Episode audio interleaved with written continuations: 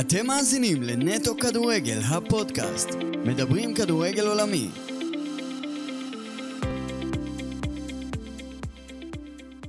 ברוכים הבאים לנטו כדורגל הפודקאסט, היום אנחנו בשיתוף ארגון השחקנים, מארחים את uh, מור שקד, מה שלומך מור? אהלן, צהריים טובים לכל המאזינים, בסדר גמור. אז uh, בוא תספר, אתה יודע, התחלתם פרויקט חדש בכפר סבא, איך זה היה לחזור לשחק כדורגל? האמת אה, סיפור מעניין סביב זה, בחצי שנה האחרונה עבדתי בדובאי עם עומר, עומר אצילי, ובנו קבוצת אוהדים. וכל פעם התקשרו ואמרו לי, ומסרטון לסרטון אני רואה את הטירוף של מה שקורה שם.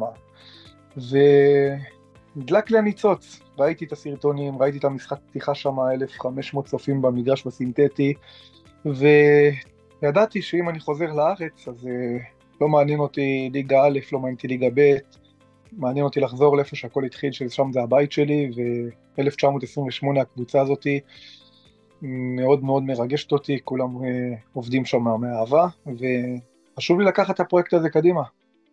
אם כבר מדברים על הפרויקט, אתה יודע, יש הרבה פרויקטים דומים, הפועל קטמון, הפועל קטמון שהפכה לפועל ירושלים, אה, ביתר נורדיה, יש פה כל, כל מיני, כל מיני, אה, זה, איך, איך, זה המטרה של הפרויקט הזה?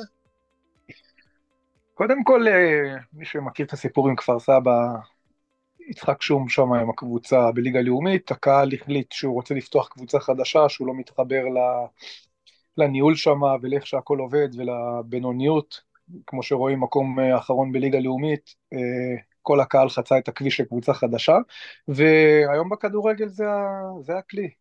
אם זה עם, זה, עם, עם, עם, עם כמות קהל כזאת וכמות אהבה כזאת, אז חייבת גם להגיע הצלחה, ואנחנו באים ממקום של אה, להיות המודל של הפועל קטמון, שמקווים מאוד שגם יהיה איחוד באיזשהו שלב עם הקבוצה שבליגה לאומית, רק שהקהל יהיה הבעלים.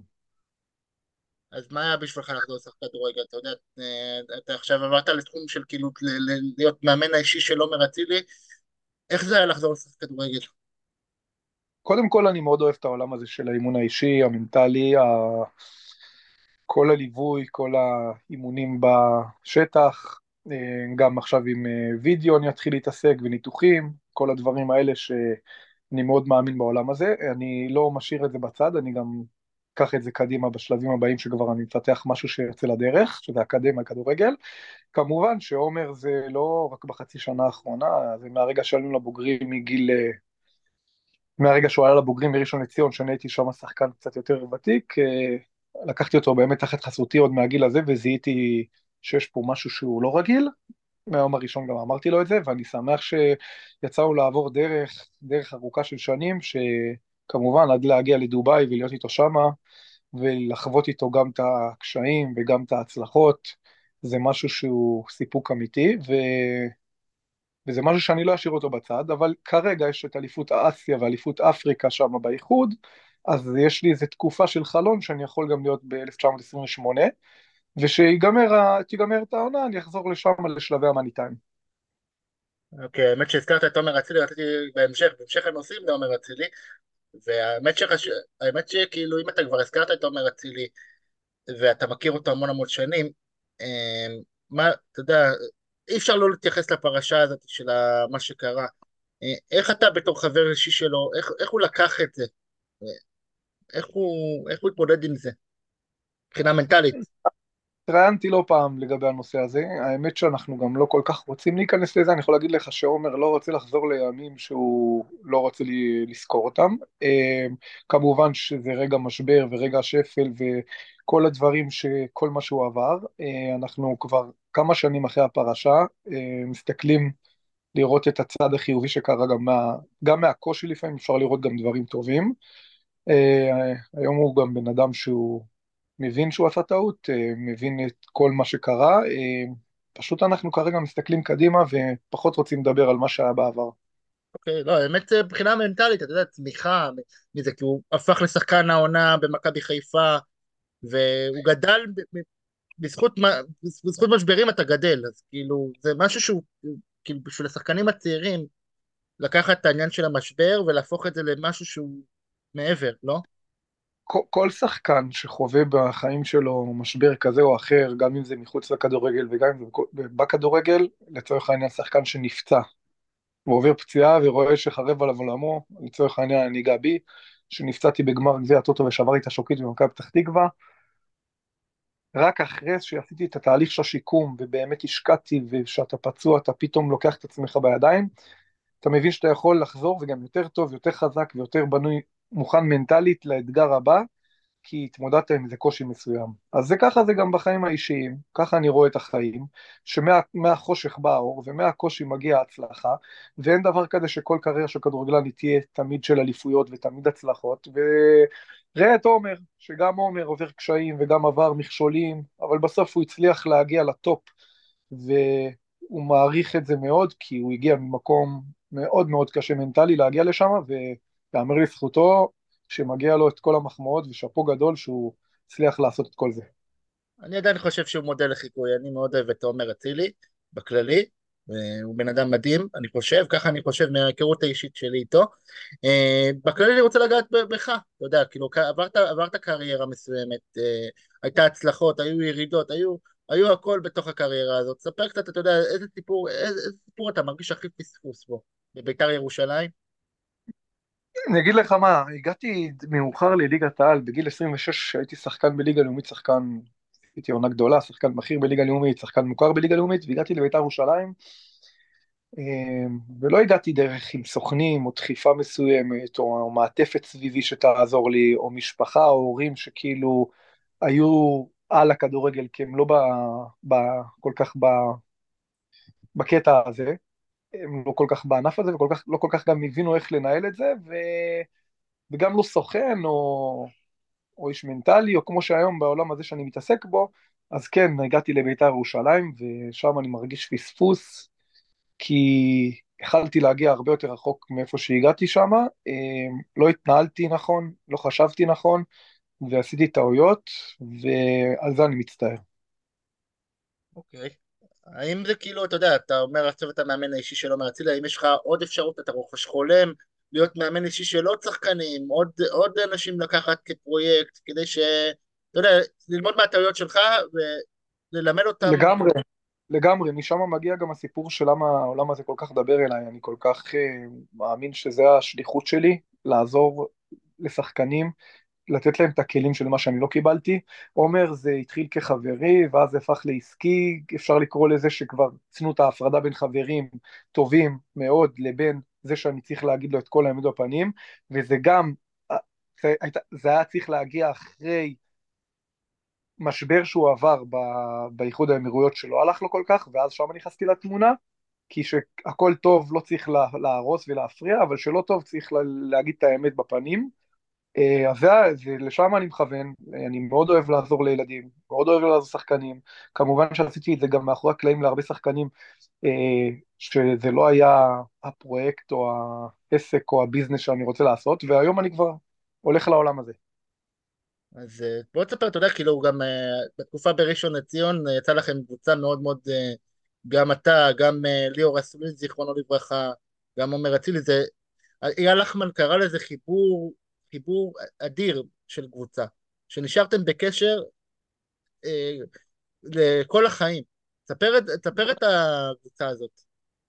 כן, זה לחמן בנה פשוט חדר הלבשה שבאמת התחברנו לגרעין כזה שמשכנו חברות של עד היום, של חברים, של, של מפגשים, של אה, ממש, של בילויים, של חופשות, ממש חבר'ה שאנחנו רצים ביחד שנים.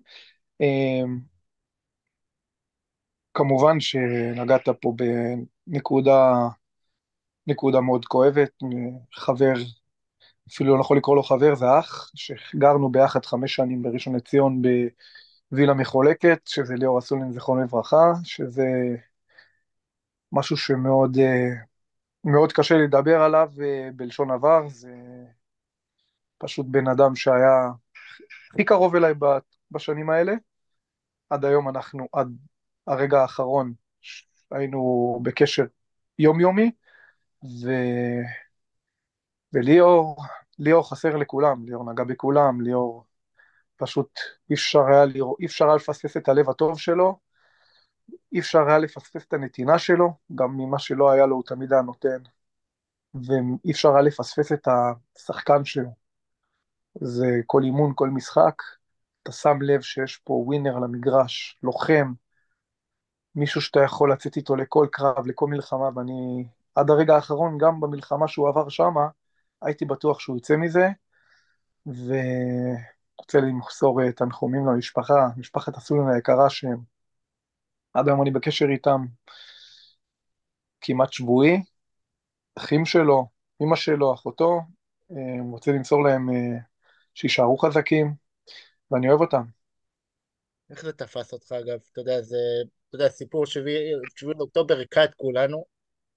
איך זה תפס אותך כל העניין הזה שפתאום אה, אה, את לא מוצאים אותו ושהוא כאילו לא יודעים מה איתו? יום לפני זה בירכתי אותו ליום הולדת, הזמנתי אותו לצפון, הוא אמר לי שהוא מגיע לצפון. היה בהתבלבל, בסוף הוא נסע לדרום, אני בשבת בבוקר קמתי מוקדם לחבר'ה שמשחקים כדורגל, שאני הולך איתם, מארגן את זה, ו...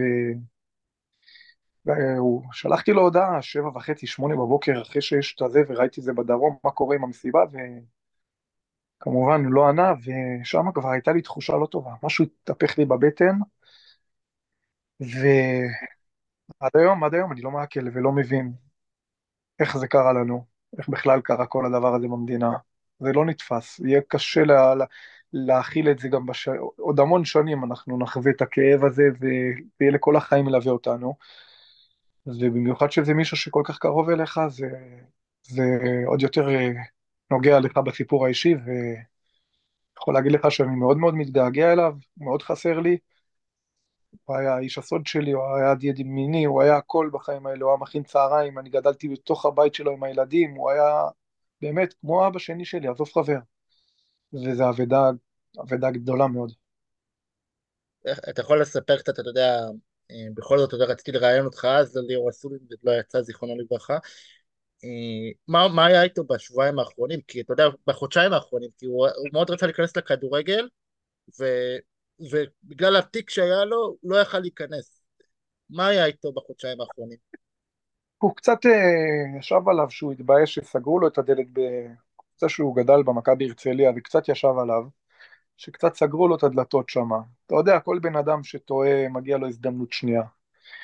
אבל אה, דווקא ליאור בחודשיים האחרונים הגיע למקום יותר טוב עם עצמו, מהרגע שהוא הכיר את הסוסים ואת החווה שהוא התחיל לעבוד שם, וזה היה התרפיה שלו, וזה היה המקום שהוא משחרר אותו, והוא חזר לו החיוך, והתחלתי לראות שהוא חוזר לעצמו, והוא מתחיל לקבל, לקבל דרך בחיים אחרת, למרות שאולי בכדורגל סגרו לו את הדלת, אבל נפתחה לו דלת של הסוסים והאהבה הזאתי, ותמיד הוא היה מזמין אנשים, ועושה להם טיולים, ובאמת, תמיד היה מארח ופתוח, ועזוב, לא, לא מעניין אותו הכסף, מעניין אותו שלאנשים יהיה טוב, וזה ליאור. זה ליאור, לא מעניין אותו הכסף, רק לדאוג לאנשים שיהיה להם טוב, שיהיו שמחים, ו...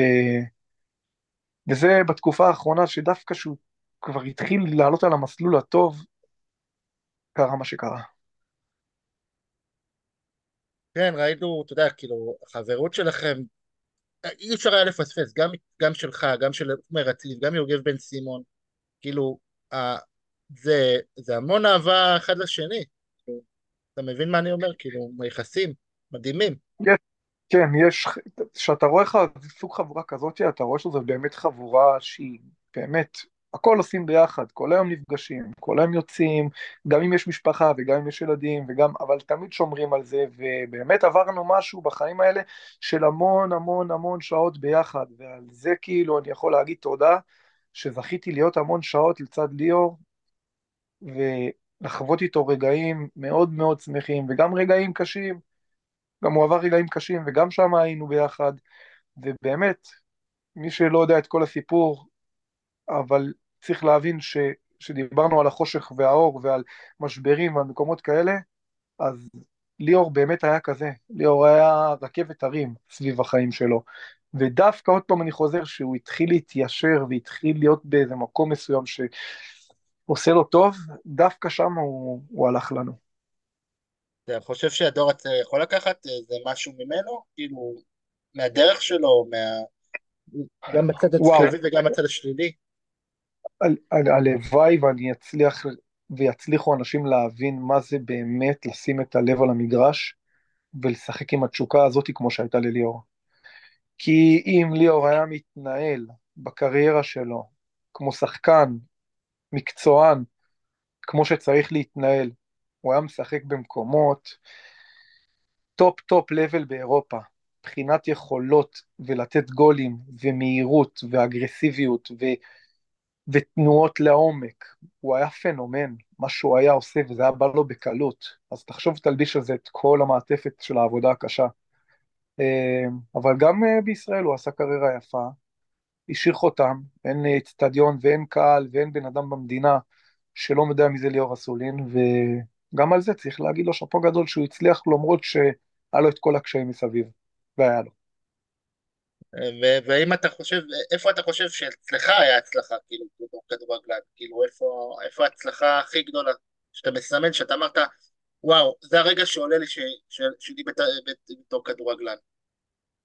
תראה, בקריירה רוב השחקנים חווים אה, כישלונות ואכזבות, אני לא יודע איך לקרוא לזה כישלון, אבל אין הרבה רגע, רגעים של פיקים, ולא כל שחקן זוכה כמו אצילי לעשות אה, כזאת מספר של אליפויות ברצף, ובואו ניקח את רוב השחקנים שיש להם את הפיקים שלהם, הפיקים שלי זה בראשון לציון, שהיה לנו עונה גדולה עם גמר גביע הטוטו, אה, הפועל פתח תקווה שדווקא היינו קבוצה תחתית ונשארנו בליגה ועשיתי שם עונות יפות, מכבי הרצליה שהשארתי אותם בליגה בדקה ה-90, עליות ליגה בליגות נמוכות, אה, במכבי פתח תקווה גמר, גמר גביע הטוטו, היו כמה רגעים שאני אשכח אותם, אה, סך הכל אני יכול להגיד לך שעשיתי קריירה בסדר, התחלתי לעשות קריירה גדולה, לא התנהלתי כל כך נכון, אבל מקווה שאני אביא את זה לדור הבא.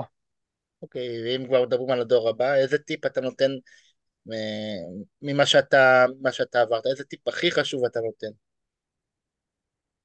הטיפ הכי חשוב שאני יכול לתת, שבאמת השחקן כדורגל צריך להבין שהניצחון או ההפסד זה לא גולת הכותרת. יש דרך שצריך לעבור כדי להגיע לטופ. וגם כשאתה מגיע לטופ, אתה צריך לדעת איך להתנהל ולהיות שם. וכל הדרך הזאת שאני מדבר על השחקנים שאין קיצורי דרך. גם שחקן שבליגה ב' היום, בן 20, שלא מאמין בעצמו בגיל 21-2, גם הוא יכול לעשות קפיצת מדרגה ולהגיע לרמות הגבוהות, אבל צריך לדעת שהוא צריך להתנהל בצורה שונה ממה שהוא מתנהל, ואיך שהוא מתאמן, ואיך שהוא חי את הכדורגל. הוא צריך לשנות את כל הדיסקט הזה, כי מי שבאמת יקריב וייתן, הוא יגיע למקומות האלה. כן. אה, ואם יש לך עוד, עוד איזה טיפ שאתה חשוב, אתה יודע, בכל זאת זה פרק של ארגון השחקנים, וחשוב לנו כאילו לקדם את השחקנים ולראות את הדרך. האם יש עוד משהו שאתה רואה שחייב בדור הצעיר לשנות כדי להיות יותר טוב?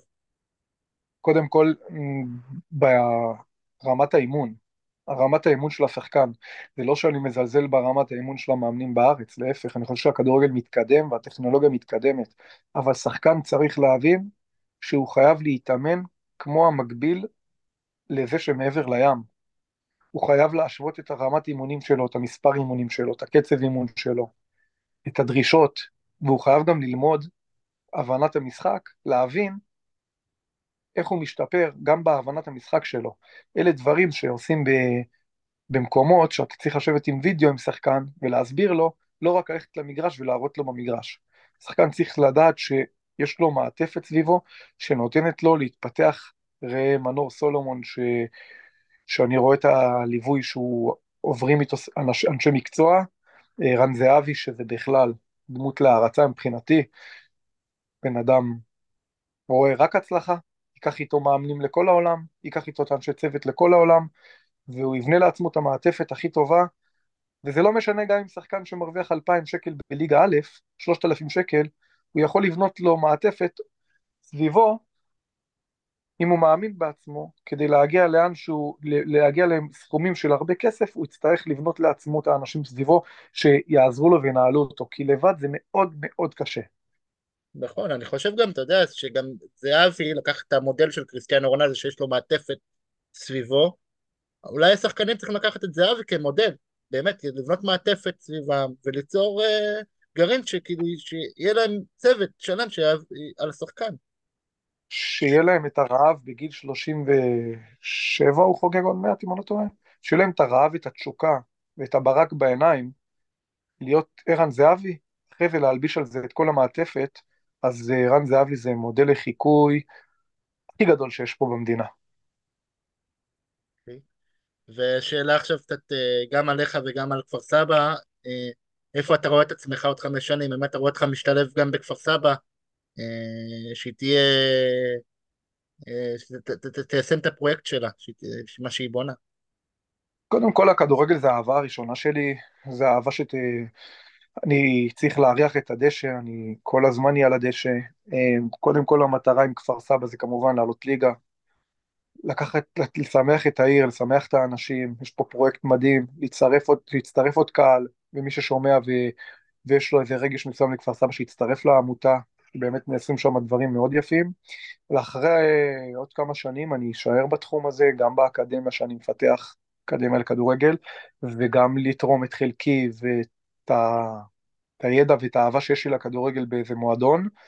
אה, כמובן שאני אשמח אם זה יהיה בכפר סבא, זה הבית שלי, ואתה יודע, אני לא, אני לא מסתכל רחוק מדי, אני חושב על עבודה יומיומית, אני מאמין שכל יום אתה צריך לסמן לעצמך מטרה, לקום בבוקר עם מטרה ועם חלום, ולבנות עצמך מיום ליום, ולא להסתכל חמש שנים קדימה, וזה מה שאני הולך לעשות, מיום ליום לעזור לכמה שיותר שחקנים ולכמה שיותר הורים, שלצורך העניין הם לפעמים הם עושים נזק לילד בלי שהם רוצים, זה לא שזה בא מאהבה, ממקום אהבה, אבל לפעמים הם עושים נזק ונותנים להם כלים לא נכונים או מלחיצים אותם, ופה אני רוצה לגעת בכמה שיותר ילדים ושחקנים בוגרים ושחקנים שמתחילים, ולתת להם את הכלים האלה לעשות, לה, להרים את הקריירה שלהם קדימה. אוקיי, okay. מור, אני רוצה להגיד לך תודה רבה. גם על הספונטליות של הראיון וגם בכללי היה רעיון נפלא. שיהיה לך... אני רוצה, אני רוצה בנימה הזאת להגיד לכם קודם כל תודה רבה. רוצה לאחל לכל החיילים לחזור הביתה ולכל החטופים. זה לא מובן מאליו שאנחנו במרכאות חיים את השגרה שלנו היומיומית ואנחנו מתנהלים רגיל ואנשים לא חוזרים הביתה ונהרגים ומתים בשבילנו. רוצה להגיד להם באמת תודה לכולם, ועם ישראל חי, תודה רבה. אמן, אמן. תודה מור, תודה מור היקר. תודה רבה.